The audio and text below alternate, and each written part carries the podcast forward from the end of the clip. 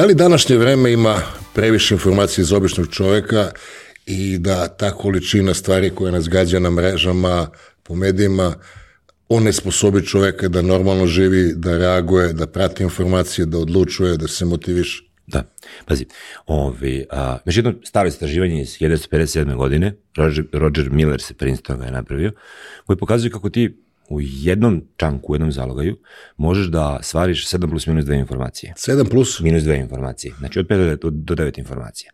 Šta više, recimo, kada, kad se radi u terapiji trans, odnosno hipnoza, ili kada ovi ljudi u marketingu prave neku reklamu, njihov zadatak je da ti taj memorijski buffer prihvatni, da ti ga napune sa više od 9 tačnih informacija i da ti onda lansiraju neku, ovaj, neku informaciju koju hoćete povede, kao recimo za Kalgon, ako sećaš one reklame, kao ovo je žena, ovo je veš mašina, ovo je majstor, surla voda, deset informacija, napuni mozak, mozak se blokira na, na trećinu sekunde i on ti insertuje informaciju veš mašina živi duže uz Kalgon. Sećaš se reklame? E. Sećam se, da. E, gledaj. E, ovaj, što znači da ti kada imaš prekomernu količinu informacije koja se emituje, dolazi, dolazi do, ajde da tako kažemo, a, to nije mentalna paraliza, ali dolazi do m, jednog onako, kontinuiranog isključivanja filtera za razmišljanje, da ga tako nazovemo. E, i kad se to stalno ponavlja, onda dolazi do jednog procesa koji zove habituacija ili privikavanje. Gde ti u početku ti sve, ono, haj, dopamin, dopamin, dopamin, dopamin, dopamin, dopamin, e, međutim u jednom momentu, pošto dopamin ima dopaminsku fazu i dopaminsku bazu, znači ti, recimo ako se, ne znam, narkomani koji uzimaju kokain, a, oni moraju da povećavaju stalno tu dopaminsku fazu kako bi bili stalno haj. Isto ti kada si, kada si online i kada imaš previše informacije, ti svaki like, svaki share, svaki klik, jedan mali dopaminski pik. E, i ako ti to stalno kontinuirano držiš na određenom nivou, Postaneš rezistentan. postaneš rezistentan. Odnosno ta linija se podigne i ti moraš sve više i više i više i više i duže da se izlažeš, da se izlažeš tim informacijama i postaješ rezistentan na nove stvari. A dopamin je molekul koji unutra postoji, koji od nas traži da idemo napred da radimo nešto. E, i to je, to je poenta. Tako da, znači, prevelika količina informacija, nefiltriranih, nesortiranih, netačnih informacija je ono, rak rana a, modernog društva, osim ukoliko to, znaš, kao za vreme inkvizicije su se knjige spaljivale. Da su ljudi skapirali da je mnogo bolje ne, ne da spaljujemo knjige, nego damo sve žive informacije, tačne, netačne, evo te lepo na gomili đuture, pa ti sad... To je moj pokojni čale pričao, profesor na, na difu, kad neko hoćeš da uh, sabotiraš, daš mu ili premalo ili previše informacija. Tako je, se zadaviš. To je to. I mi živimo u vremenu gde ima previše informacije i ljudi su nevični tome, jer moja neka, ovaj, pa nije ni teorija, to smo čitali, uh, mi smo napravljeni da možemo da pratimo, ne znam, 300 metra šume oko nas i, i 15 ljudi. Tako je. To je catchment, tako se zove, da. I mi sad pratimo ono, ceo svet i 500, 500 ljudi znamo u, u, da li su jeli, pili, piškili. To. Kako se to sad odražava na, na umovi ljudi? Ajde da pređemo na, na centar tvog terena. A, misliš kako to što mi a, previše, imamo previše digitalnih poznanstava, na to misliš? Pa, šta god je, e, šta je po tebi današnji čovjek e, slabiji mentalno u odnosu na čovjeka pre 100 godina?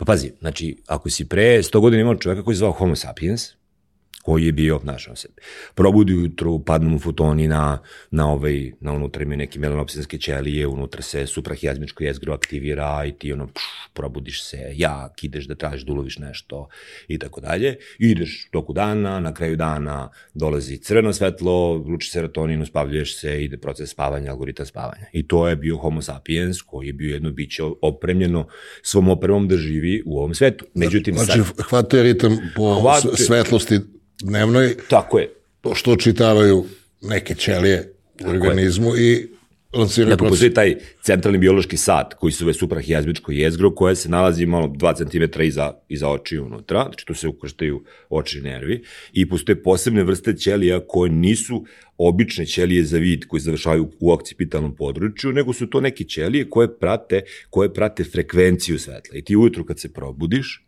a, između 8, 11, odnosno od svitanja do 11 sati, kad je dominantna plava frekvencija svetla, te ćelije očitavaju da je jutro i ti u tom momentu ustaješ, dešava se kortizolski puls, lučiš kortizol, dopamin i adrenalin i ti se budiš. I ti si budiš. Ideš u lov. Ideš u lov. Apropo svega toga, homo sapiens kad se probudi, on nema frižider da ga otvori da jede. Mora da ulovi. Razumeš? E, i to je dodatni dopaminski moment gde ti dobiš dodatno, dodatni nagon za budnošću. To je budni čovek. Mi sad imamo homo defesusa, umornog čoveka. Defesus. Defesus je kao latinski umoran. Homo defesus ti je umoran čovek. Razumeš? Da ti imaš čoveka koji, ti prvo uzmeš i zajebeš uh, ovaj večernji, večernji takozvani Zeitgeber, odnosno timer, time što uveče, uh, uveče uzmeš Što se zračiš telefonom? zračiš se telefonom, a ne samo telefon, pazi, telefon nema toliko, a, nema toliko a, luksa koliko imaju recimo LED svetlo u kući.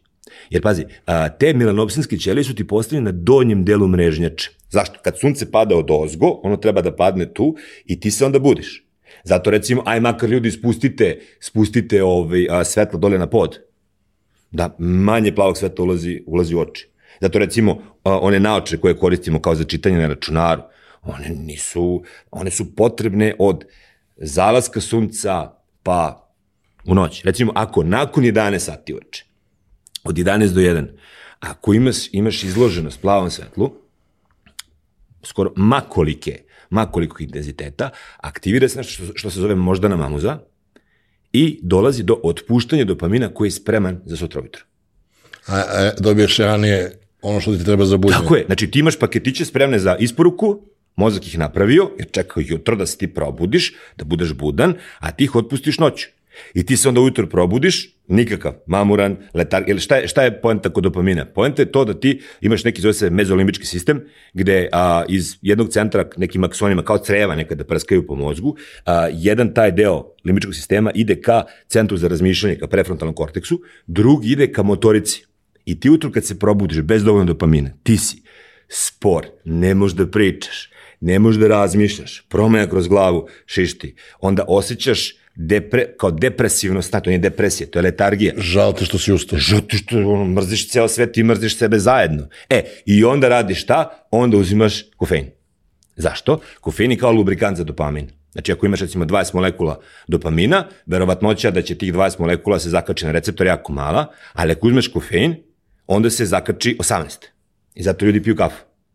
Međutim, ti ne možeš da nadoknadiš spavanje i zato ti recimo nakon 1 sat, nakon 13 sati posle podne, voziš decu iz vrtića kući i kafenski krah i ćao đaci. I to je to. E, tako da mi smo svojim navikama napravili od sebe jedan nus proizvod civilizacije i to je, tako to se jako brzo menja. Znači ja imam ono, stotine ljudi koji to promene u roku 3 meseca i koji, znači, ljudi su budni, bre, razumeš? Bez ičega, znači ne treba ti suplement nijedan. Ti imaš svetlo, vodu, pokret, ne treba ti ništa više. Svetlo, voda, pokret. Pa, Znači imaš, recimo, pokret. A, ti kad pokrećeš velike koske, ovaj, luči se, luči se jedan molekul ovaj, a, koji, a, miokin, a, koji prolazi kroz moždanu barijeru, ima neka krvna barijera u mozgu koja ne dozvoljava svakom džubre tuđe unutra, ulazi unutra i ulazi u hipokampus. Hipokampus, imaš dva hipokampusa ovde, oni su ti centar za razmišljanje i privremenu memoriju u toku dana i tu se u toku 16 sati skuplja ono što učiš, u toku, što radiš, bilo šta u toku dana. Prefiltriranje. Tako je. E, i onda ti noću kad spavaš kroz NRN2 fazu, te informacije putem nekih takozvanih memorijskih vretena se uploaduju u koru velikog mozga i onda su tu mirne po vijek i vijeku. E, a, fazon je da ti kada imaš telesni pokret, kad se pokrećeš, recimo, a, kada imaš a, 180 minuta, 180 minuta kardioaktivnosti Nedeljno. nedeljno, nedeljno, plus a, da imaš a, ove a, resistance trening je, je, je dobar za NRM2 fazu, za fazu procesiranja dnevno, a za REM fazu je ovaj kardio. E, ukoliko imaš, ukoliko imaš, uh, ukoliko lučiš miokin, dolazi do regeneracije hipokampusa. Što znači da bukvalno dolazi do rađenja novih neuroćelija. To je novo istraživanje tipa od pre manje od godinu dana. Wendy Suzuki je naj, najveći autoritet u svetu koja se bavi istraživanjem memorije. Znači ona je sad, mislim da je dekanka univerziteta u Njujorku. A, I znači ona je vrhunski stručnjak za to. Znači oni su pokazali kako da znači, mozak ima određene delove koji se regenerišu. I oni se regenerišu putem pokreta. Znači, mi danas i mi ranije, e, danas Mi smo škart. Naša deca su, će biti užasan škart. Wow. To ja mislim, ali nisam izgovorio javno. Jer je počela deklinacija, osmina. Da. Deca su nam nesposobne, ne može se popne na drvo, ne može se skoncentriše. Ne smije budu agresivne, znaš. Deca moraju budu agresivne. Tako se oštre. Da, ali vidi, a, jedno je da ti, kod nas je, kod nas je bes zabranjen. Roditeljska zabran besa postoji, da ti ćutiš. Da ćutiš da se ne hvališ, čut, da ćutiš da si besan. Možeš da trpiš. Da bi ti, tebe uče Zato, zatupiti oštricu. zatupeti oštricu. Ne, vidi, a, imam četvr dece. Nikola ima zadatak da bude dečak. Znaš, ima zadatak da pocepa pantalone, da pade, slomi s bajsom, da ide bajsom niz stepenice, da se pobije s drugarima svaki dan. Nikolaj treba da nauči da on ima agresiju i da može da iskontroliše. Jer ko je jak čovjek? Je jak čovjek onaj, ko je dobar čovjek? Dobar čovjek nije onaj, Samo opasan čovjek može da bude dobar. tako je, ovaj drugi je samo budala. Ne, prinuđen je. Tako Nema opcije. Da, nema opcije. Njega tu postojiš kao saksi Jeste, i, i on je čovjek. brate, ovo, ti biraš. Znači, samo čovjek koji ima kompetencije da bude loš, on odluči da bude dobar, on je jedino dobar čovjek. A danas je agresija zabranjena onda ti imaš porodicu koja ti treba da ponikne na nekome ko je otac i ko nema agresiju u sebi. Ko je zabranjeno da budeš, ag- ne dajte dečacima pištolje da se igraju kad su mali. A kako će ti, kako će ti zaštiti unučiće? Mislim, simbolički, ne govorimo treba čovjek da nosi pištolj da puca nekog, ali ti simbolički moraš ti treba da se spremiš da budeš alfa, razumeš? Je da To uđeš u baru da zameniš gumu. To. Znaš, spazuće ti se deca. To. Kolima. Znaš, ljudi su neopremljeni. Znači, uh, pre 200-300 godina vatali smo ritam sa suncem, Mhm. bili smo zdravih navika, lučenje dopamina je bilo u skladu sa aktivnostima, Da. A danas uh, hrana je takva, navike su takve, Da. gledamo uređaje koji uh, trigeruju procese koji inače trigeruju dnevne svetlosti, mm. noćne, ono, u, u sumire dana i mi smo skroz razdešeni. Da. Bukvalno kao ono, uh, kad se svećice na automobilu Tako je. ne, ne pale kad treba. Tako je, tako je. E, a vidi, I onda ljudi sad kad tako mi pričamo nečemu, kažu pa daj ljudi kao, da ti kakav je život, kako je to brzo, kako to, to je nemoguće, nemoguće. Ljudi, znači ja imam, ja kod sebe na platformi imam hiljade ljudi koji to rade. Koliko ti treba vremena za to? Vidi, tebi zovu Zeitgeberi ili um, okidači vremenski, jutarnji i večernji. Ti imaš cirkadijalni ritam, to je, znači, to je ritam budnosti i spavanja, koji traje oko 24 sata i 15 minuta. I kada bi on trebao 24 sata i 15 minuta, svakih 48 dana bi ti se zamenio dan za noć. Kapiraš? E, i zato postoji mali korektivni mehanizam u našem mozgu, koji zove jutarnji svetlo i večernji svetlo. Kada bi uzeo samo, a zašto kada odeš na more, zašto se osjećaš jako dobro kad se vratiš kući? To što imaš podešavanje biološkog cirkadijalnog ritma. To što se probudiš ujutru, uvatiš plažu ko svaki srbin, je li tako? Da. Odiš, uvatiš, uvatiš jutarnje sunce, podesi se imaš večernje sunce, lučenje melatonina. Crveno svetlo večernjeg zalaska sunca ti je lučenje melatonina. A, ko, preku, prekursor, a, prekursor melatonina je serotonin. Kod ti imaš dopaminski deo dana, kad treba da se fajtaš, imaš serotoninski deo dana, gde treba da se opuštaš i imaš proces spavanja koji je 8 sati, koji ne može da se skrati. Znači, jednostavno ne Ispričat ćemo u, recimo, u drugom delu emisije detaljno o to mene jako zanima, mm. nego sad smo se mm. u podešavanju dana. A, kako se tu uklapa priča sa intermittent fastingom? Kakav signal mi dobijemo nakon jela? Mm. Pretpostavljam da bi volio to da... Pa gledaj sad, i to je i sjajna priča zato što ovaj, ja sam u tom procesu već nekih skoro dve godine i ovaj, od nekog lika koji je imao diabetes, koji je imao visok pritisak i nemam pojma šta sve i 170 kg, ovaj, a, ti dođeš do toga da upotrebom, upotrebom posta, odnosno tog intermittent fastinga, ako ćemo kažemo na engleskom, da, Yeah, fasting. E, to, e. Znači, a, ako ćemo budemo fancy, znači, ti imaš, imaš jedan proces koji je jako dobar i delotvoran. Zbog čega? Zbog toga što ti odlaganjem procesa uzimanja hrane ujutro, ti zapravo započinješ proces dopaminskog uzbuđenja, I pojačavaš ga tako je, dok si gladan, ti tražiš, budan si, mora da uloviš. Ono što, ono što ljudi ne razumeju je da je dopamin, adrenalin ili epinefrin a, i kortizol. A, znači, to su proteini. Znači, tebi a, I onda ti sada, kad si u procesu fastinga, tvoj organizam uzima proteine koji su pokvareni i neki takozvani emulirani proteini koji su pomešani sa šećerom zajedno, i on ih uzima, reciklira ih i on ih pretvara u dopamin i u adrenalin, u snagu ih pretvara i u bistrinu i u visprenost. Da bi mogo da ulovi Da hranu. bi mogo da uloviš hranu. I to je to. I ti možeš ti malim saznanjem, ukoliko recimo skratiš prozor jedenja na šest, kaže kako ću da jedem šest sati? Vidi, to je pitanje biološkog treninga, jer tvoj organizam nakon 14 dana nauči Šta god hoćeš. Da, ne luči enzime, brate, nisi gladan. A, ja recimo, ja svaki mesec dana imam, imam ovaj tri dana, jedan, jedan put nedeljno jedem 24, 23.1 i ovaj, a, jedan put mesečno jedem, a, jedem ovaj, a, 72.0. Znači ne jedem, tri dana. I imam trening ujutru, imam trening popodne. Imam četvrdace, imam posao, zaposlene, razumeš? Mozak radi perfektno. Jer poenta nije u tome da ti gladuješ. Poenta je u tome da ti kao slide down, znači da, da se lagano spustiš tamo i ti ukoliko, ukoliko ti nešto nije okej, okay, ti ćeš da izađeš iz toga. Znači to nije nikakva, nikakva presivna radnja. Ljudi, ljudi generalno ne razumeju kako funkcioniše naš organizam i uopšte kako smo evolutivno došli do ovde i kažu ja ako ne doručkujem ja ću ono, biti nesposoban, a da je to tako, mi ne bi dobacili do ovde. Da. Jer sigurno je neki tvoj pradeda, čuku ne da moj, isto da. predak, po dva dana ne jede. Da. Nema. Da, nema. Zima, nema. Mm. Ne može vevericu da nađu da je, mm -hmm. da je pojedu. Mm -hmm. I što smo gladni, mm -hmm. mi smo vispeni, naoštreni. Mm -hmm.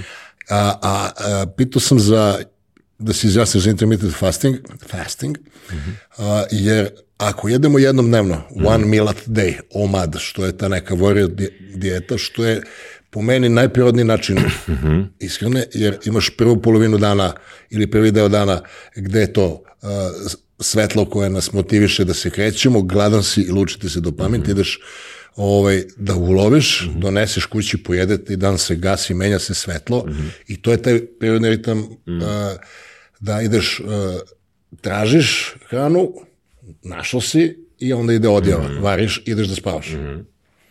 To su te dve stvari koje sam hteo da, da povežemo u... Jeste, jeste, pazi. Ti, ovi, a, ti recimo kad se uspavljuješ, da bi se uspavao, potrebno se desi nekoliko, nekoliko stvari. Prvo imaš, a, to se zove, jedan molekul zove se adenozin. A, adenozin je nešto kao hemijski tajmer spavanja. I kad se nakupi dovoljno molekula adenozina unutra, to je umor, adenozin je jednak umor, ti se onda obališ i ideš da spavaš. E, paralelno sa tim adenozinom mora se izluči hormon koji zove melatonin.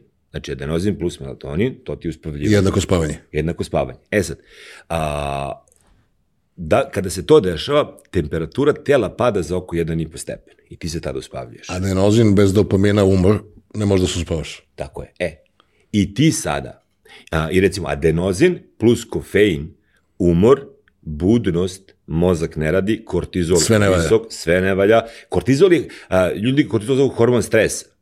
On je hormon budnosti, on nije hormon stresa. On je, on je hormon stresa uveče. On je hormon agilnosti. Da, agilnosti, znači tebi kortizol treba. Treba ti u prvih 8 sati budnosti treba. Kortizol, dopamin i adrenalin ti trebaju. Ali ti ne trebaju uveče.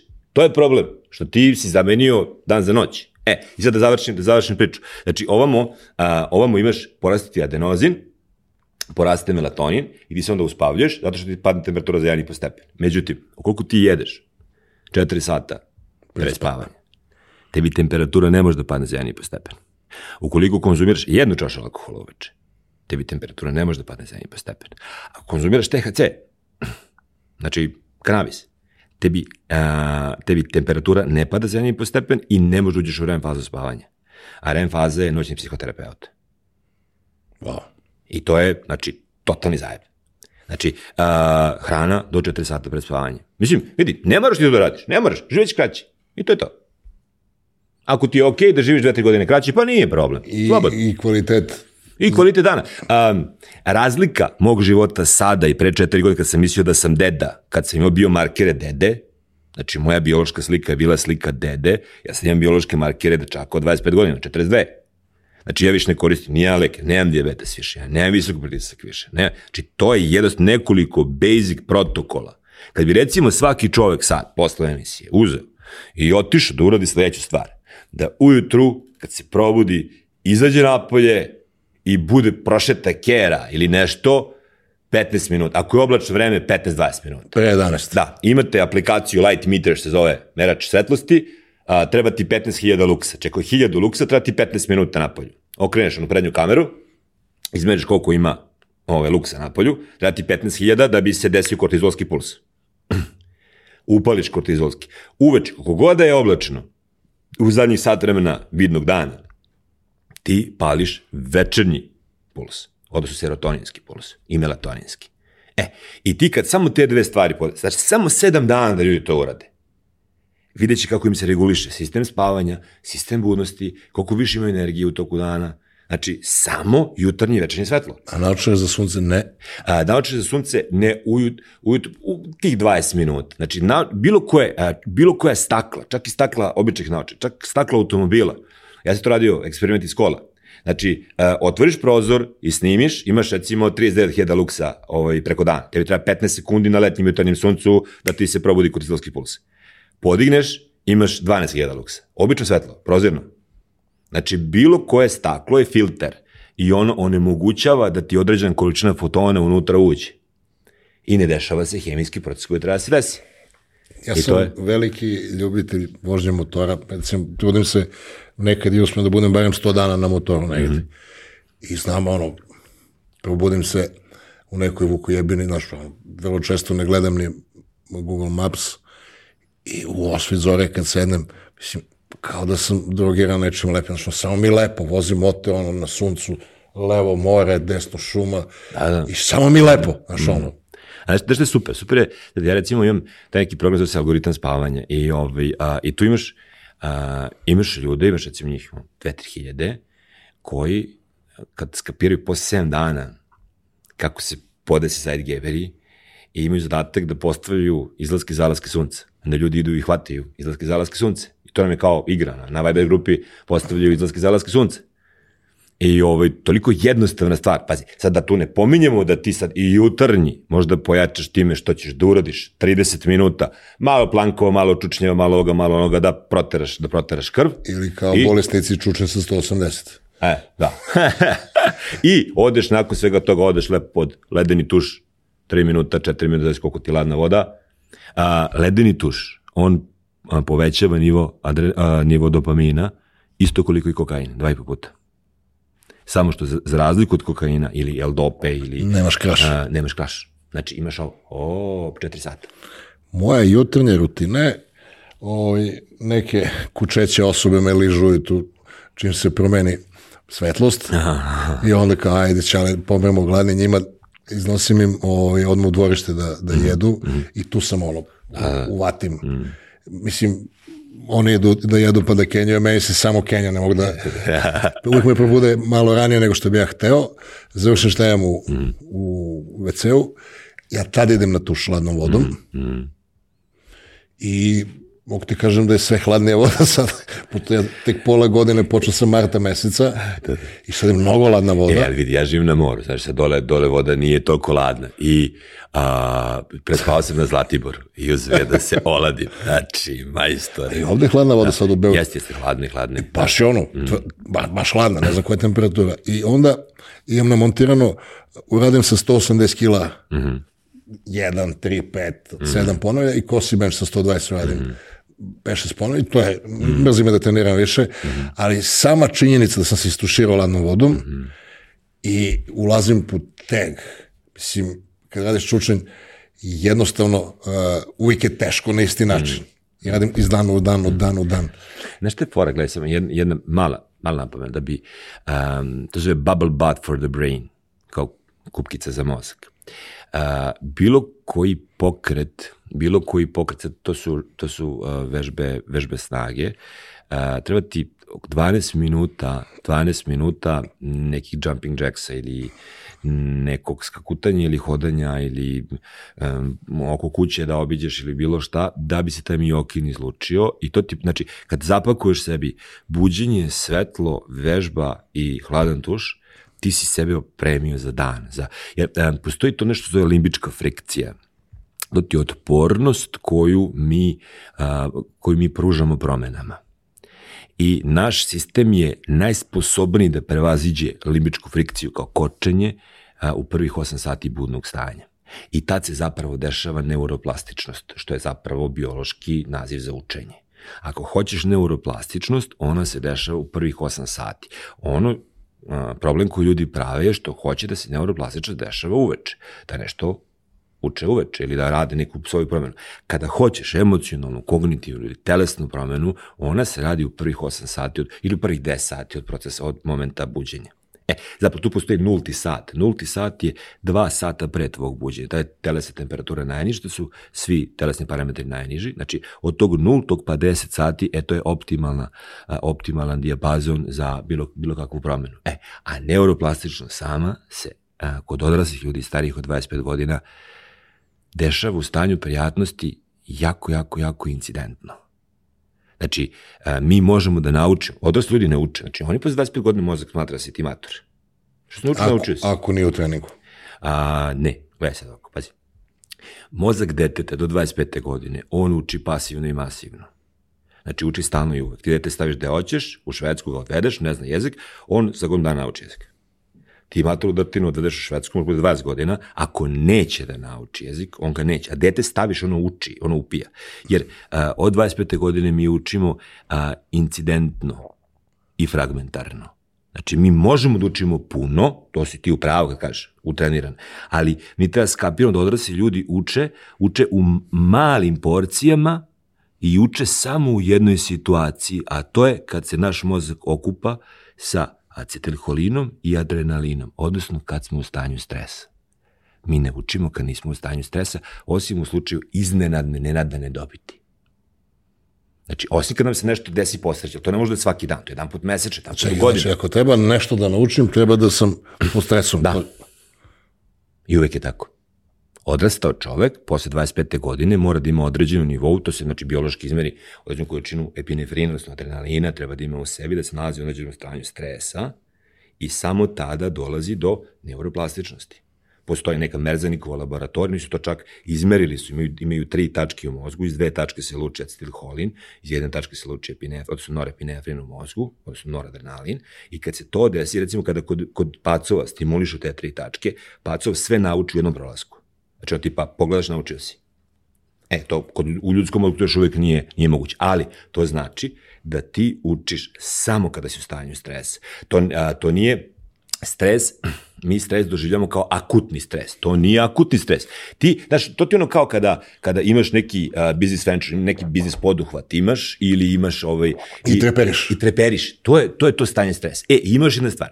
U sve, to je uh, časopis, časopis Nature, ja mislim, iz septembra. Ovaj, a, Kaže, u srednjem veku postoji običaj da a, prilikom svakog bitnog događaja u životu uzmu dete, vežu ga kanapom i bace ga u ledenu vodu. Da nauči. Šta postoji dokazano u septembru, nauči radima, da ti kada, kad se nalaziš u stanju neuroplastičnosti, znači stres treba bude malo povišen i onda imaš adrenalin hit. Znači, to je bacanje deta u vodu. Znači, to, recimo, kad piješ kafu, kafa se nikad ne pije pre početka procesa učenja. I recimo, kofe, imaš kofeinske tablete. Ti kad hoćeš da naučiš, ti si nešto uči, kad hoćeš da ga zacementira mozak, ti popiješ kofein prilikom završetka. I tad skoči hype. Ili uradiš neki veoma intenzivni trening, ili ideš pod ladan tuš, uh, ili uradiš nešto što će ti podigne adrenalin. A si provalio, mene se tako dešava, Mhm. sad e, što se duže tuširam ladnom vodom, sve pliće prodire u mene. Odnosno, ja ne se istuširam, bude mi ladno do kostiju. Da. Sad se tuširam, znači ono, bukvalno samo pola milimetra, takav nekakav osjećaj, baš jutros dok sam se tuširao, Da, pa pazi, ja, ultra ladna voda. to ja, ja više uh, to, šta, šta, je, šta je fazon kod dopamina? Šta je fazon kod recimo zavisnosti od, od kokaina ili od amfetamina? Um, motivacija nije zadovoljstvo. Uh, to englezi imaju jako dobru reč. Jedna je pleasure, a druga je craving. Či motivacija je želja toliko jaka žudnja za nečime da ti tome ne možeš da odoliš. Znaš, žudnja ne mora bude prijatna, uglavnom nije prijatna. Te recimo kad se tuširaš tom ladnom vodom, ja sad nakon godinu dana praktikovanja toga, ja se setim da se nisam istuširao ladnom vodom i vratim se. Jer je nivo, moment tog homo sapiens osjećaj ujutru toliko dobar, da je to ludilo, znaš. Ti se naravno navikneš se, on, koliko je hladna voda, u vodu hladna je. E sad, imam ove moje ludake sa zajednice koji, ono, kao ledene, kao kupu ono kacu za grožđe, razumeš, pa napune vodom, pa led, pa unutra. U toj vodi, u toj ledenoj vodi ti je potrebno oko 5 sekundi. 5 sekundi. Oko treba recimo 3 minuta. I tu je najgori deo kada se tuširaš skroz i kada tuširaš glavu. Pa kada se slije na leđa. Jer šta je, šta je, šta je fora? Fore, znači, ledeni tuš radi u momentu kada a, počne perspiracija, znači kad počne ubrzano disanje. To znači da se luči adrenalin. Jer do, a, adrenalin nastaje od dopamina. Znači, to su jako srodni molekuli. Znači, ti, to je znak, to je znak da sistem radi. E, ako nema toga, onda ni ladno. A reci mi, molim te, se vratimo na THC. Mm -hmm. A, ako sam dobro razumeo, ljudi sa, koji su na THC, odnosno mm -hmm. koji puše marihuanu. Mm -hmm. Ili jedu ili kaplju, sve jedno. Imaju problem sa uspaljivanjem. A, vidi ako se. Ja da, da razumijem jednu stvar. Uspavati se može svako. I to je stanje besvesnosti. Ali algoritam spavanja, naspavati se i uspavati se nije isto. Ne postoji ni jedan lek na svetu koji može da ti, a, koji može da ti ovaj, produkuje san. Nijedan veštački molekul na svetu ne postoji koji može da izazove proces spavanja. Kada to budu otkrili, mi ćemo vjerojatno živjeti oko 150 godina zaista, i s druge strane, m, 98% bolesti će biti izlečivo. Jer je skoro svaka bolest vezana sa nedostatkom algoritma spavanja, jer se u procesu spavanja dešavaju dve važne stvari. U procesu dubokog spavanja, tako zvane NRN2 faze, dolazi do rekapitulacije celog dana i tako je. I u procesu REM faze spavanja, gde mi sanjamo nešto, odnosno da imamo te snove, zove ludačka, a, to se zove fiziološka ludačka košulja, ta smo mi skroz, a, znači ne možemo da se pomeramo, zašto to ne mi smo skočili kroz prozor, tako nešto, razumiješ, e, ti spavaš i stanješ da letiš. E, i, ovi, a, i ti, da bi se dobro naspavao, ti možeš da prođeš četiri takve faze u toku noći. U prvoj fazi mozak rešava pitanje onoga što si naučio kognitivno, u drugoj fazi motoriku, u trećoj fazi kinestetiku i u četvrtoj fazi vizualna asocijacija. Šta je kinestetika? A, ono što si, on što si dodirnuo u toku dana, mirisi, ukusi i tako dalje. Znači, a, kad, se, kad se snima, kad se snima, ovaj, a, ima neka uređaj da se polisomnograf noću, kada, kada ti spavaš i kad se snima sa polisomnografom i ka, sa funkcijom magnetnom rezonancom mozga kad spavaš, a, vidi se kako a, u toku te četiri faze, a, u toku prvih 90 minuta ti je aktivan ovaj deo mozga, u toku drugog ovaj, u toku trećeg ovaj, znači ti ne možeš da spavaš sat i po vremena. Ne moraš četiri da spojiš, blok. Ne možeš da prekineš. E, i sad se vratimo na THC na bilo šta. A, THC, THC, a, šta se prvo a, smatra hroničnim konzumacijom THC-a? Sve više od dva puta nedeljno je hronična konzumacija THC-a. Ako hronično konzumiraš THC, dolazi do značajnog narušavanja algoritma spavanja. Šta to znači? To znači da ti se vrhovi one REM faze ti se oceku. REM faze, REM faze je jedini deo čovekovog života u kojem čovek nema strah. Zato što se tada ne luči adrenalin i amigdala ne radi. Znači mi tad jedino nemamo strah. Mi tada možemo se suočimo sa najvećim strahovima, bez, sa najvećim izazovima bez straha. To je noćni psihoterapeut koji nam omogućava da mi noću istražimo situaciju i da, odre, da recimo konsolidujemo pogrešno postavljene emocije, da popravimo neke, da neke obrišemo, traumatične događaje i tako dalje. E, da ti zamisli da ti, da ti mesecima ne uđeš u proces sanjanja od REM faze spavanja. I onda se dešava takozvani hunger for dreams, gde kada neko ko je na THC-u ne konzumira THC recimo 7 dana, 10 dana, onda dobije neverovatnu količinu snova. I recimo ko je... Ko, ko se količinu? Snova. A, a, a, ko se alkoholiš, ti se alkoholiš petak, subota, veče, I onda tvoj mozak, on je pametan, on, on e, prvo se razbiješ od spavanja, spavaš 10 sati, 11 sati spavaš. Zašto? Jer mozak prvo kaže, ajde izbacimo alkohol, kada izbacimo alkohol, ajde odradimo koliko možemo ove četiri faze, sad pošto nismo da se kako treba, ajde gurni sad ovo spavanje, sanjanje, intenzivira ga što jače i ti zato kad, ovi, kad se ono kao uroljaš za vikend, ono kao, wow, šta sam sanjao, koje sam budalaštine sanje noćas, to je zato što mozak ima kao glad za snovima i on mora da isprocesira šta se desilo. Ideš da se izviniš Tanje Bošković na, na Facebooku. Šta sam sve sanjao? to, to, to, to. Razumeš? Tako da, tako da to je to. I ovaj, konzumacija THC-a i alkohola je Nažalost, tako kako jeste, pazi. Um, s druge strane, CBD, znači ti u, u kanabisu imaš dva dva molekula, imaš i 40 nešto, ali dva su kao najpoznatija, imaš uh, THC, CBD i sad recimo CBN je jako poznat, znači CBD, uh, on, ovi, uh, njega mogu koristiti deca, trudnice, za bilo šta. Sad to je jako dugačka priča o, tim, o tom takozvanom endokanabioidnom sistemu, koji je sistem svih sistema u našem telu. Tako da ove, sad nemam vremena za njega, ali znači, malo je duže priča o tome kako se zapravo, a, to je aj samo u rečenici dve, a, sistem homeostaze, ono što su zvali yin yang, nemam pojma šta, a, su dva naučnika, iz New Yorka, iz Tel, iz Tel Aviva, a, 2000 i o, a, 1989. mislim, da su ga pronašli, taj endokanabioidni sistem, to je sistem koji radi uravnotežavanje svih procesa u našem telu. I ti putem određenih fitokanabioida, kao što recimo CBD, može da utičeš naravno teže. Šta je problem kod, kod tog sistema? Problem je u tome što ti kada, a, kad se recimo dođe do, imaš inflamatorni i antiinflamatorni, imaš, a, imaš ovaj, a, u, u mozgu, imaš ovaj što postiče, što sprečava, hormonalni gore dole. E, i ti dođe do disbalansa. I ti onda lekovima deluješ tako što okačiš lekove na te vagice i oni ne isprave taj sistem, nego ga opterete. Ako ga suviše optereteš, on pukne i ti u bolnicu. Razumeš? E, A, endokanabidni sistem, njegov zadatak je da deluje u centar te ravnoteže i da ih sve uravnoteži. I zato postoji jako velika, jako veliki otpor farmaceutske priče prema tome, zato što je to jednostavno lek koji su ljudi koristili. Ne govorimo o THC, o CBD-u govorim, koji su ljudi koristili vekovima i koji je jako dobar za lečenje raznih, recimo za anksioznost. Ti sa CBD-om rešiš anksioznost u roku od tri nedelje bez problema.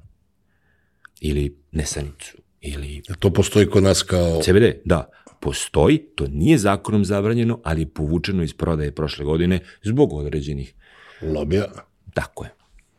U Hrvatskoj se prodaje, odeš u Dubrovnik, kupiš, možeš da kupiš da pušiš, sad ja ne pušim, ali a, naj, a, a, možda kupiš kao ulje, ono kao da nakapaš ispod jezika i to je ono kao najpred, ne znaš tačno koliko ti miligrama ima, ima, nema nikakav efekt na, na, ovaj, na, nije psihoaktivna Znači, jednostavno, on ti radi, on ti radi nivelaciju svih procesa u organizmu.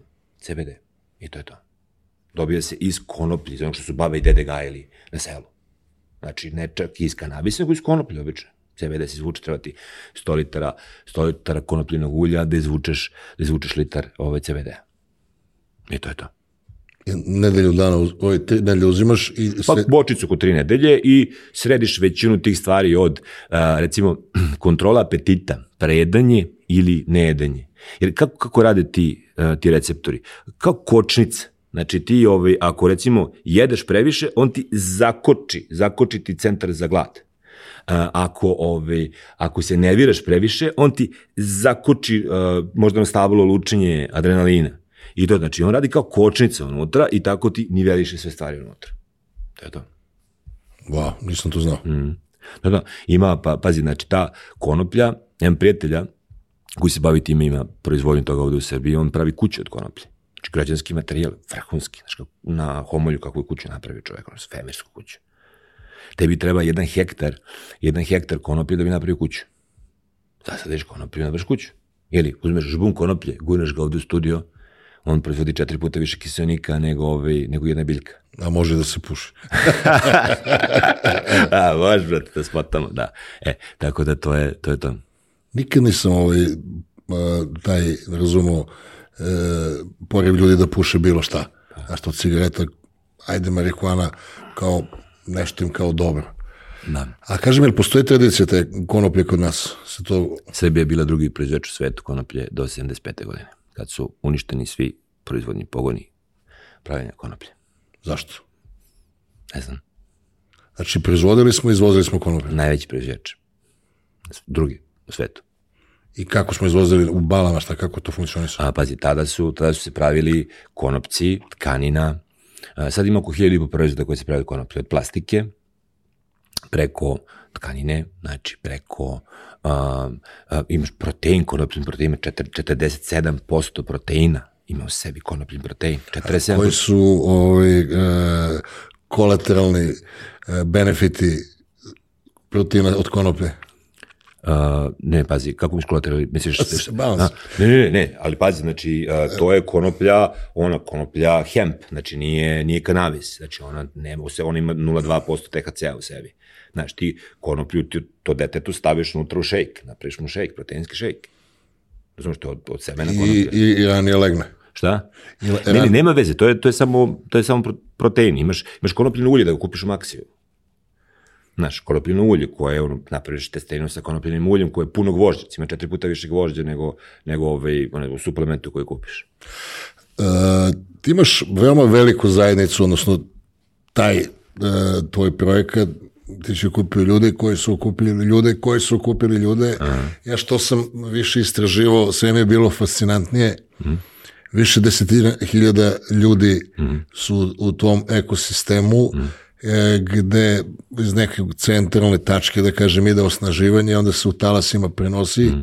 Šta vi učite ljude, e, kako oni, mislim, ja sam gledao kako hvale, kako im je pomoglo da, da lakše izgoriju, da, da razumiju svrhu svoju.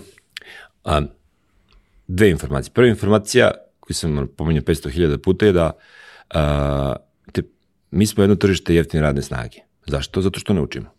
Na svetu postoji toliko posla da ne postoji dovoljno ljudi koji možda radi taj posao. Znači, nikad nije bilo više posla na svetu i nikad nije više, bilo više načina da se zaradi. Ti možda živiš na vrškoj čuki i da zarađuješ 5000 evra. Bez problema. Znači, to je tako. Ali mora se uči. Problem u Srbiji je što uči 4,2% ljudi starijih od 25 i mlađih 65 godina. U recimo Sloveniji uči 14%. U Austriji, Znači, da se razumemo, 95% Tako je. kad napune 25 godina, mozak im je samo za balans tako je, kad voze motor da mogu da nagnu glavo levo desno i ni za što drugo. tako je.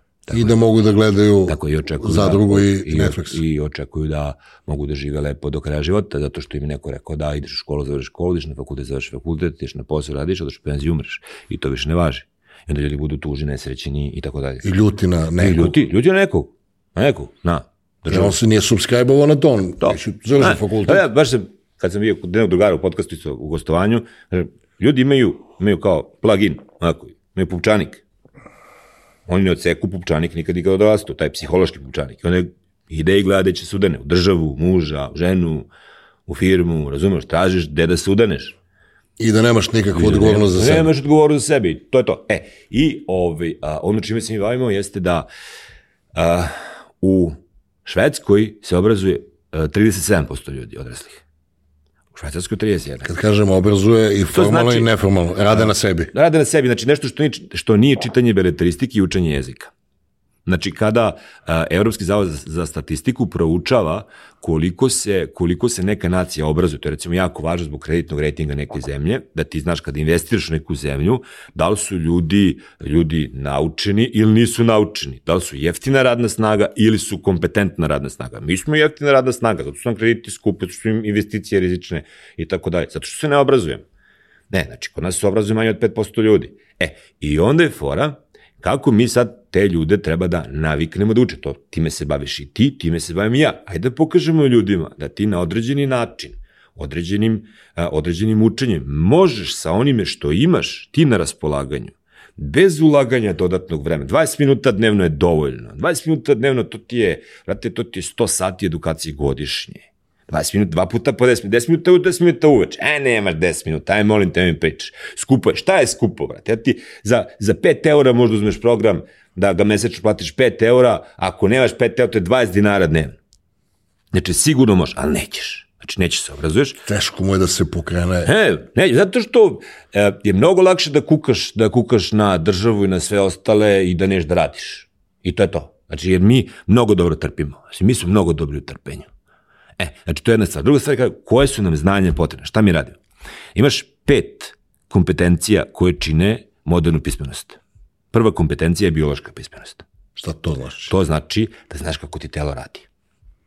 Da znaš Znači, više... ne šta je nervni sistem kišne gliste, nego da znaš, brate, kako ti radi telo. Kako spavaš, kako si budan, kako jedeš, kako ovo, kako ono, ono što ti radiš. Kao što znaš e, na kojoj pumpi sipaš, na kojoj ne sipaš gorivo Tako i otprilike na koliko pumpaš to. gume, minimum toliko je treba to. da znaš u svom telu. Da, da bude dovoljno dobro. Da znaš baš da ne zasereš većinu stvari. Ne, ne treba bude sam, ne, neće, neće niko da bude, ne, neće svi da budu, a, ove, ne znam, olimpici. Neće. Ali živimo normalnim životom. Znači, to svako može da uradi, 100%. Biološka pismenost. Druga vrsta pismenosti je emocionalna pismenost. Da mi razumemo svoje emocije. Da razumemo kako funkcionišu i da razumemo šta su, kakve su, zašto su, kako se njima upravlja. To je veština. To već ljudi ne zna.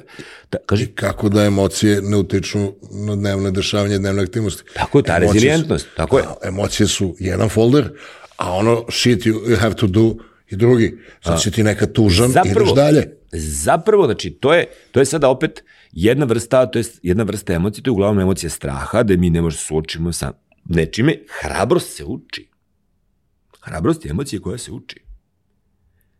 Razumeš? Bes je emocija koja se uči, koja se kontroliše, koja se razvija. Tuga je emocija koja se uči, koja ima strukturu. Tugovanje je proces od pet faza. Tako dalje. Znači, imaš emocije. Onda imaš intelektualne veštine. Kako da nešto naučiš brzo? Kvalitetno. Kako da različno što smo pričali na početku, šta je dobro, šta nije dobro, šta je junk, šta nije junk. Onda imaš socijalnu pismenost, četvrtu pismenost. Kako komuniciraš s ljudima? Online, offline. Mislim, mi nećemo da prihvatimo to, ali za 10 godina će biti pitanje ne u kakvom će svetu naše deca živeti, nego u kom će svetu naše deca živeti. Jer tu imaš meta, pet metaversova se pravi sada. Biće pitanje samo kad će ljudi odluče da žive u metaversu. Jer njime je nekad lepše tamo, Nije nekad, brate, ja imam 60 godina i matorac sam hoću da budem cica od 20. Razumeš? I u metaversu se ja obučem kako hoću i radim šta hoću. nisam znao to za tebe stvarno. ok, e, to ti je socijalna i peta ti je finansijska. Pita mene, Nikolaj, moj sin, 7 godina. Tata, kad ćemo mi u školi učimo kako se prave pare? Ja kažem, nećete nikad. Kaže, kako miš nećemo nikad? Nećete, brate, učite kako se radi za ljude koji prave pare. Tako je. A on kaže, a on kaže, kako miš nećemo da učimo, kako ćemo da živimo? Pa lepo ideš na posao, radiš, živiš. A ja to neću. Rekao, šta ti hoćeš da radiš?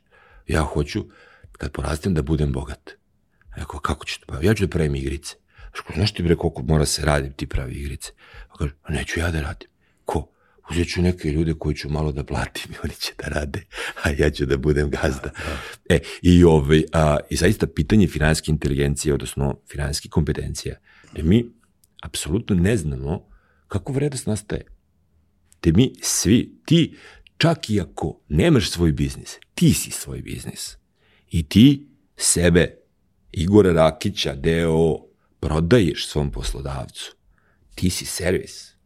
Ti imaš svoj Jer biznis. ti nikad ne radiš za poslodavac, uvijek radiš za sebe. Tako to je. ljudi ne razumiju. Tako je. I ti, znaš, a, zapravo, za šta, mislim da si, da si to čak ti rekao. Znači, koja je tvoja vrednost? Tvoja vrednost je onolika kako ti možeš da rešiš nekom neki problem. Tako je. I to je to. Plaćen si srazmjerno veličini problema koji možda rešiš. Ja recimo, godinama sam tražio ljude za marketing. E, ove, ja kažem, nije problem cifra. Nije problem. Znači, kažeš 10.000 eura, hoću platu 10.000 eura. Može. Na koliko se obavezuješ da ćeš isporučiš? Koliko se obavezuješ da ćeš da mi isporučiš, da mi isporučiš ove novce? Ja mogu, koliko tu uložim 200, 300 hiljada eura mesečno, 50 hiljada eura. Kaži, ja ću da uložim. To je štamparija novca zapravo. Tako je. Jer šta marketing? Jesi štampar ili nisi štampar? Jer si trošak ili si zarada. Jeste. To ljudi ne razume, kaže, ja, nama je budžet za marketing, kao, ne možemo da se uh, pružimo. Jer uh, marketingom ti platiš ljude da kupe od tebe i da ti ostane razlika. To se zove return of ad spend. Tako je. Uložiš 10 evra, vrate ti se 12. Sledeće je da uložiš Verovaj, to je 100 to, evra, da. da ti se vrati ovaj 120, pa još 1000 i samo je veština kako da rasporediš ovaj, taj novac i da nađeš ljude kojima je rešavanje problema potrebno, nisu čuli za tebe, to nije nefer.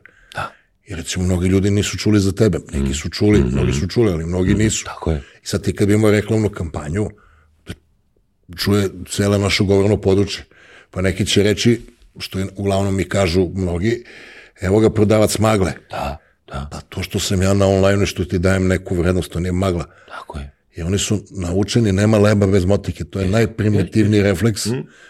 Mislim, ne mora da kopaš. Ne. Sve, sve što je diglo ovu zemlju nije držalo baš lopatu u ruci. Ja kažem ljudima, mi smo se pre, kad, smo, kad je počela korona, mi smo imali, mi smo imali ovaj, ogromnu školu sa klupama imali smo logopedske centre i tako dalje i, ove, i onda došla korona i mi smo sve to zatvorili, moramo da zatvorimo. I desilo se, desila se priča kao u Forestu Gumpu, ako si gledao Forest Gump, gde ono, svi brodovi nestali, samo njihov brod ostao, mi smo prvi podigli online platformu, to je bilo ludilo, ludilo od zarade u, u dva meseca korone. Znači, mi smo otišli iz Beograda, iznajmili, iznajmili neku vilu na Zlatibor, živeli tamo pet meseci, razlog nije sve prošlo, pa se vratili i tako dalje. Ok. I onda meni pada na pamet sledeća ideja. Ja neću da živim u Beogradu.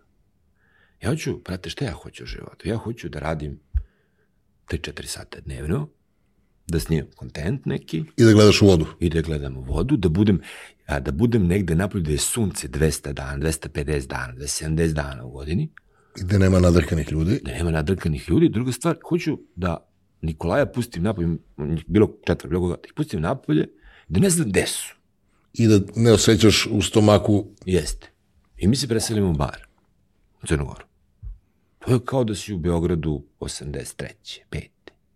Hm, ladovina. Drugo strane, cene niže 30% nego u Beogradu. Či, ludilo. U Beogradu sa 45 minuta aviona koji košta isto ko kolima da upališ da dođeš. E, i onda sad ti to ispričaš ljudima, e, jeste, e, brate, evo ti, evo ti uradi ovo. Ima mesta za sve. E, uradi. A čekaj, gajba blizu vode. Da, na mm, 200 metara gledam. Ali vidiš? Da, da, da. da Rentiraš i si kupio? Rent, ne, ne, rentiram dole, što bi, dole je jako jeftina renta, tipa za 300 eura ti rentiraš gajbu od 90 kvadrata, znaš.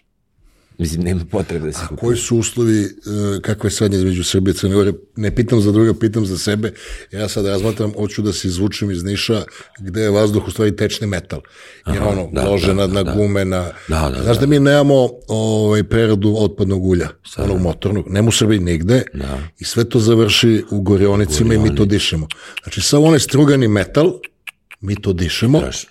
To je jedan. Mm. Dva, a, onaj ugalj što se kopa za ove mm, da, da termoelektrane, da, da. on ide kroz uh, proces gde se on ispira mm. pod nekim, uh, ne znam kojim uslovima termo, da se spere sumpor. Mm -hmm. Međutim, uh, tipovi ga sklanjaju i prodaju Mm -hmm. a mulj ide u ove mm -hmm. termoelektrane mm -hmm. i mi dišemo taj mm sumporom obogaćeni uh, ugalj koji se gori u privatnim ložištima. Da, da. I juče sam se čuo sa ženom, ovaj, si išla dole do, do ovoga nekog dakstva, nema.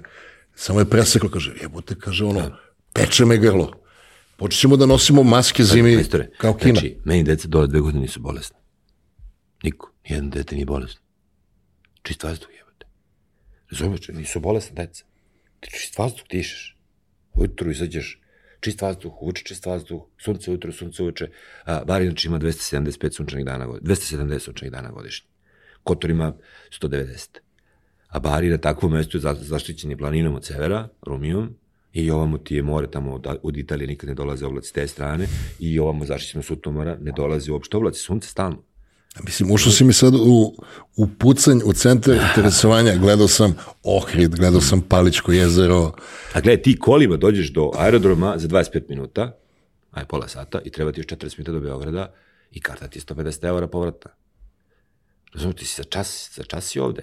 Ja imam firmu ovdje, dolazim ovdje tipa dva, tri puta mesečno. Na po dva dana. I to je to. Ja, mislim, čemu? A papirološki kako je rešeno? Pa to je dole se prijaviš da živiš samo. Meni deca dole idu u školu. I ništa, to je. Sa Srbije i Crna Gora su ono... Pa da, on dobiš ličnu kartu i ovaj, Nikakve boraviš na ono kao privremeno, privremeni boravak. Ali, meni firma nije, dole mi firma. Ali ovde. ograničeno vremenski ili? Nije, nije, nije. Nije, pa pazi, znači, meni, meni deca, uh, ja decu upišem u školu i po osnovu školovanja ti dobiš boravak. Ozbiljno si me da. sad zaljulio, jer ja odavno tvrdim da se treba seliti iz Beograda, odnosno iz Niša zimi. Mi smo tražili svugde po sebi gde ćemo da živimo. Obišli smo celu Srbiju ovaj, a, i nismo našli gde ćemo da živimo a, jedno mesto koje ispunjava sve uslove, da imaš ono, kao neki minimum infrastrukture, minimum blizinu grada, ovoga, onoga, znači nismo našli u celoj Srbiji gde ćemo da živimo i sasvim slučajno se desilo da bivša supruga dobije, ovaj, dobije neki projekat da vodi u baru i odemo par puta, klincima se svidi, meni se svidi, ostanemo dole i tako da dole. Još mi što vozimo motor, još veća zabava. To, to, to, znači to je super, da. Mislim, doli, doli, ima, doli ima smisla imati motor, znaš, zato što o, možda ga voziš 270 dana godišnje, možda voziš motor. Tako mi da. se sviđa. Jer baš, kako ti kažem, epicentar mog interesovanja je ta, što ti kažeš, biološka pismenost. Mm. Uh, nema svrhe disati u Beogradu zime. Vidi, gle, jednostavno, da li hoćeš da ti dete živi kraće? Hoćeš. Živi u Beogradu. A nećeš? Nema da živiš u Beogradu. 10-12 godina nam skraćuju život u vazduhu. Znaš, ali to je e, eskontovano, znaš, daleko je, neće. Znaš, neće. Da, to je na kraju. Znaš, sjetit ćete se klinci kada budu imali 60 godina, kad ti budeš ispod zemlje, znaš, kao evo ti čale što se živi u Beogradu. Znači, pako je. Aha. Ja sam, ovaj, sad sam bio za vikend u, u Hagu, mm. sa rotacijama nekim, oni imaju firmu Beograd Hag, mm. pa nešto smo slavili, i sad minus tri. Mm. Sad očekujem kad je u Beogradu nišu minus tri, napolju otvoriš vrata i sečeš parče, pa prođeš pa i sečeš parče tamo. Mm. Planinski vazduh, bre. Ja, da. U centru Haga. Da, da. U centru Haga nema dima uopšte. Jest. Znaš, mm. ima dosta ovih električnih mm. vozila, nema mm -hmm. individualnih ložišta, greju se na gas. Mm -hmm. Znači, ono, jako zanimljiv koncept da nema smoga. Da, da, da. da. Dobro, da se vratimo ovaj, uh, u priču šta još uh, to osnaživanje koje, što se meni jako sviđa, mislim, ja sad ja se postavljam kao da se znamo, mm. ja sam tvoj veliki fan, mm. Sla, slao sam ti poruke, redko kad se otvorim da ovaj, tako pošaljem poruku, jer uh, ono što ja smatram za sebe, ja vidim u tebi. Znači, mm. ja, ja se trudim da uh, kad nekom izađem na onoj, na, da na Instagramu, da na TikToku, da ostane, jer to su te doze nečega što mm. te ojačaju. Mm. Znaš, kao što uzimamo vitamine, tako imaš, uzimaš mentalni da, vitamin i, i mene, mene ovako uvijek zastanem, ja koji mm. sam izdrihan, koji ne prihvatam ništa novo, nikog, mm. samo hejtujem, ovaj, onako veoma često odslušam, pa sam bio slobodan ti, da te pozovem, ti si mm. prihvatio. Reci mi, ovaj, a, kako, kako funkcionišete Recimo, primer, uh, sad je recimo moja supruga jako tužna, otac joj je otišao, još se nije opravila ni mm -hmm. od skorašnjeg odlaska, mislim ne toliko skoro, majke, mm -hmm. i sad ne vidi, ne može da izađe iz te rupe. Kako to funkcioniše? Šta bi ona recimo trebala da uradi prvi korak u, u tvojoj toj školi mišljenja? Pa vidi, znači sada što se tiče procesa tugovanja, mi nismo psihoterapijski centar. Postoji, postoje psihoterapeuti koji se bave procesom tugovanja i to je jedan proces koji je, aj kažem, prilično kompleksan i ozbiljan i koji ja ne bih uzeo pod neki, pod neki program koji se nalazi, koji se nalazi kod nas. Mislim, da budemo na jedan na jedan postoje mnogo efikasniji alati za to. Ukoliko neko želi tipa da prođe kroz neku životu tranziciju ili nešto slično, imamo te takozvane mentorske programe a, koji traju u ciklusima po tri meseca, gde radimo na nekim razvojnim temama. Kao što recimo ti imaš cilj da prođeš kroz proces tugovanja ili da ne, promeniš posao ili da nemam pojma nešto i onda sad tu postoji gomila ljudi koji s tobom zajedno radi na tome da ti prođeš kroz taj, kroz taj proces. Jer svaki životni projekat, on se stoji iz neke četiri etape. Ti možda zamisliš kako a, imaš četiri vrata kroz koja treba da prođeš i na ulazku u svaku tu sobu stoji jedan gremlin. Ti kad hoćeš da se menjaš, ne jeliš prvo na gremlina kog treba pobediš, neki strah. Prvi strah od sanjanja. Ti uopšte ne veš, nemaš to u Srbiji. No, ja to ne mogu. I tako dalje. Znači, to je nemoguće. E, znači, ti imaš, imaš zabranu da sanjaš. Kada prevaziđeš zabranu da sanjaš... Sanjanje kao metafora. Uh, um, to na englesku zove impossibility frame. Okvirne mogućnosti. Da nešto ne može. Nemaš to. Znači, kao ne može. Imaš uverenje da nešto ne može. Dobro, dobro, da razumem. E. Pošto smo pričali o, o pravom sanjanju, ovo je da, da, da, ovo je, daydreaming. Da, da, da, ovo je, ovo je, da li veruješ da nešto može se desi. To da. to, okej. Okay. E, ove, i kada prevaziđeš tog gremlina, ulaziš u jedan proces koji zove proces inspiracije. Proces inspiracije je početni proces gde imaš euforična osjećanja, to je ono što ljudi zove motivaciju, to nije motivacija, to je euforija gde imaš jako male kompetencije, jako velike očekivanja. Osvajaš nebranjeni deo. Tako je. E, I to je i trt. Dok e, ne udariš. Dok ne udariš u drugog gremlina koji zove strah od neuspeha. I ti onda, kad prevaziđeš strah od neuspeha, ulaziš u fight. Znači, ulaziš u taj proces implementacije rada. To je drugi deo projekta. Kad završiš taj proces, tap, dolaziš do trećeg gremlina koji je strah od sukoba sa sistemom. Sad ti si uspeo da promeniš nešto, ali ti svi oko tebe pokušavate da te vrate nazad. I ti sam sebe pokušaš da, da se vratiš na ranije podešavanje. Da ne štrčiš. Da ne štrčiš, da, okej. Okay. E, i onda kada prođeš kroz tu integraciju sistema, dolazi četvrti gremlin koji zove strah od uspeha, gde ti imaš, Ručno. on, dođeš do cilja, vučeš ručno. Samo destrukcija, samo sabotaža. Tako je. I onda imaš na kraju zadnji taj deo je prihvatanje što proslava, toga što si uradio. I ti znači, u svakom četvrtom projektu imaš četiri faze. A, imaš inspiraciju, imaš implementaciju, imaš integraciju sistema i imaš zadnji proslavu.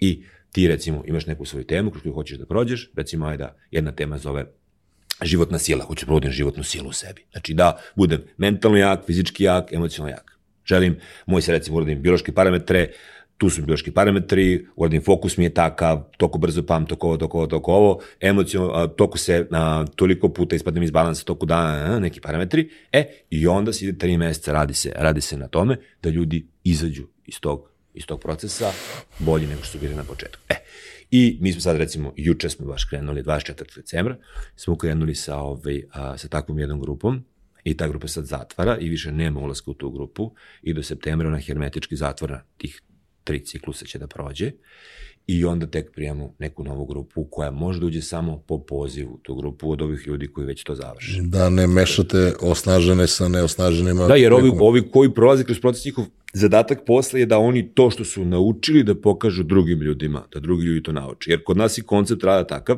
da ja ne mogu da ti predajem o nečemu ako ja to ne radim. Znači ja ne mogu ti predajem o učenju Ako ja, brat, ne naučim četiri sata i ako ja ne učim ko vas desetora zajedno. Kao što u ovim obrazovanim ustanovama u biznisu pričaju profesori koji žive od plata 100.000. Tako je. Koji ne zna da kupi papriku Tako je. na 5 evra. Tako je. Mislim, realno. Tako je. Znaš, To je to. nesposobni su To je, da... I to ljudi su danas postali veoma, a, veoma agresivno ogorčeni na ljude koji im prodaju, koji im prodaju maglu. To je prodavanje magle. Kako ti možeš mene da učiš o nečemu, recimo, a, da me učiš, bilo šta da me učiš, ako ti to nisi uradio u životu. Kako ti možeš da budeš profesor ekonomije? Ako ti nemaš neki... Ako nisi s- na MIT-u profesori, oni su biznismeni. Imaju start-upove. Da. Znači oni tamo bezicuju klince i vuče ga u start-up odmah, razumeš? E, to je to. Jer a, mi smo taj, ima, imaš knjigu, zove, zove se Filozofija palanke, pisao je Radomir Konstantinović. Da, da. E? A? Što ti ne da, što te vuče nazad. Da, znači, palanačka svest, tebi je bitno, ti si, to je takozvana palan, palanačka aristokratija. Imaš diplomu, brate. Imam baš drugara koji je 30 godina bio ovaj, arhitekta sistema Microsofta. I sad oni kad su otvarali Microsoft ovde, oni su radili draft studenta sa ETF-a i oni ima daju testove. Sad rade testove i rade, rade, rade, rade, rade, rade, rade. I, ove, i ustavno neka dva klinica priđu da, priđu da pitaju nešto, vrate se i nastave da rade. I nakon sat vremena on kaže, ok, završili smo, izađite svi napolje, vas djeca ostanite. I sad prilazi jedan kaže, kaže, u čemu je fora? Kaže, pa vidi, zadaci nemaju rešenje. Mi smo dali zadatke koji nemaju rešenje. A ovi su sistemski čute. Ovi ćute i pokušavaju. Kaže, Microsoft je, je korporacija koja se oslanja na kolaboraciju, na saradnju ljudi. Ova dvojica su što da me pitaju, ja sam im nešto kao pomogao, oni su, idu sledeći krug. A vi ne, i sad javlja se jedan kaže, ali ja imam 10 na ETF-u. Kaže, majstore, stvarno mi je žao. Znaš, to je, znaš, diploma je, to je palanačka, palanačka aristokratija. Ljudi ne kapiraju da ti za, za 5-6 godina više nećeš imati, da ćeš imati uslov za diplomu na bilo kom poslu. Dobiš zadatak, majstore. Hoćeš posao, recimo budeš, da budeš moj marketing direktor, hoćeš posao, evo ti koliko, koliko vrediš, hoću 10.000 evra večno. Može. Evo, može, potpiši. Ovde šta mi garantuješ? To je to. Kako ćemo da znamo? Tako, tako. Šta ćemo ako ne uspeš? To je to. Izvolite, radi. Može, 10.000 odmah, sutra. E, mnogo mi se, zaboravio sam taj, tamo sam čitao, ali ta palanačka aristokratija, Da. koja jednostavno je e, kao da imaš dobar auto koji je ovaj, iz, e, limitiran na 40 na sat Tako je. samo gradska vožnja. To. I to je to, neće na autoput. Ne. Ljudi jednostavno ne razumiju da postoje nivoji iznad I neće da razumiju, znaš. I onda se nerviraju kad im kažeš, mrze, može, mrze kad ih neko uči da, Da. može bolje.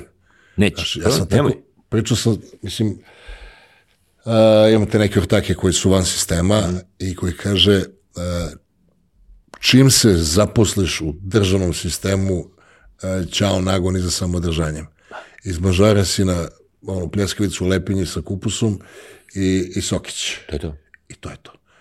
Mislim, pri čemu, sad je ovo možda rogobatno, neki ljudi žive taj život, ali izgubi se... Ali vidi, ali treba da shvatimo jednu stvar. A, 3% ljudi su preduzetnici.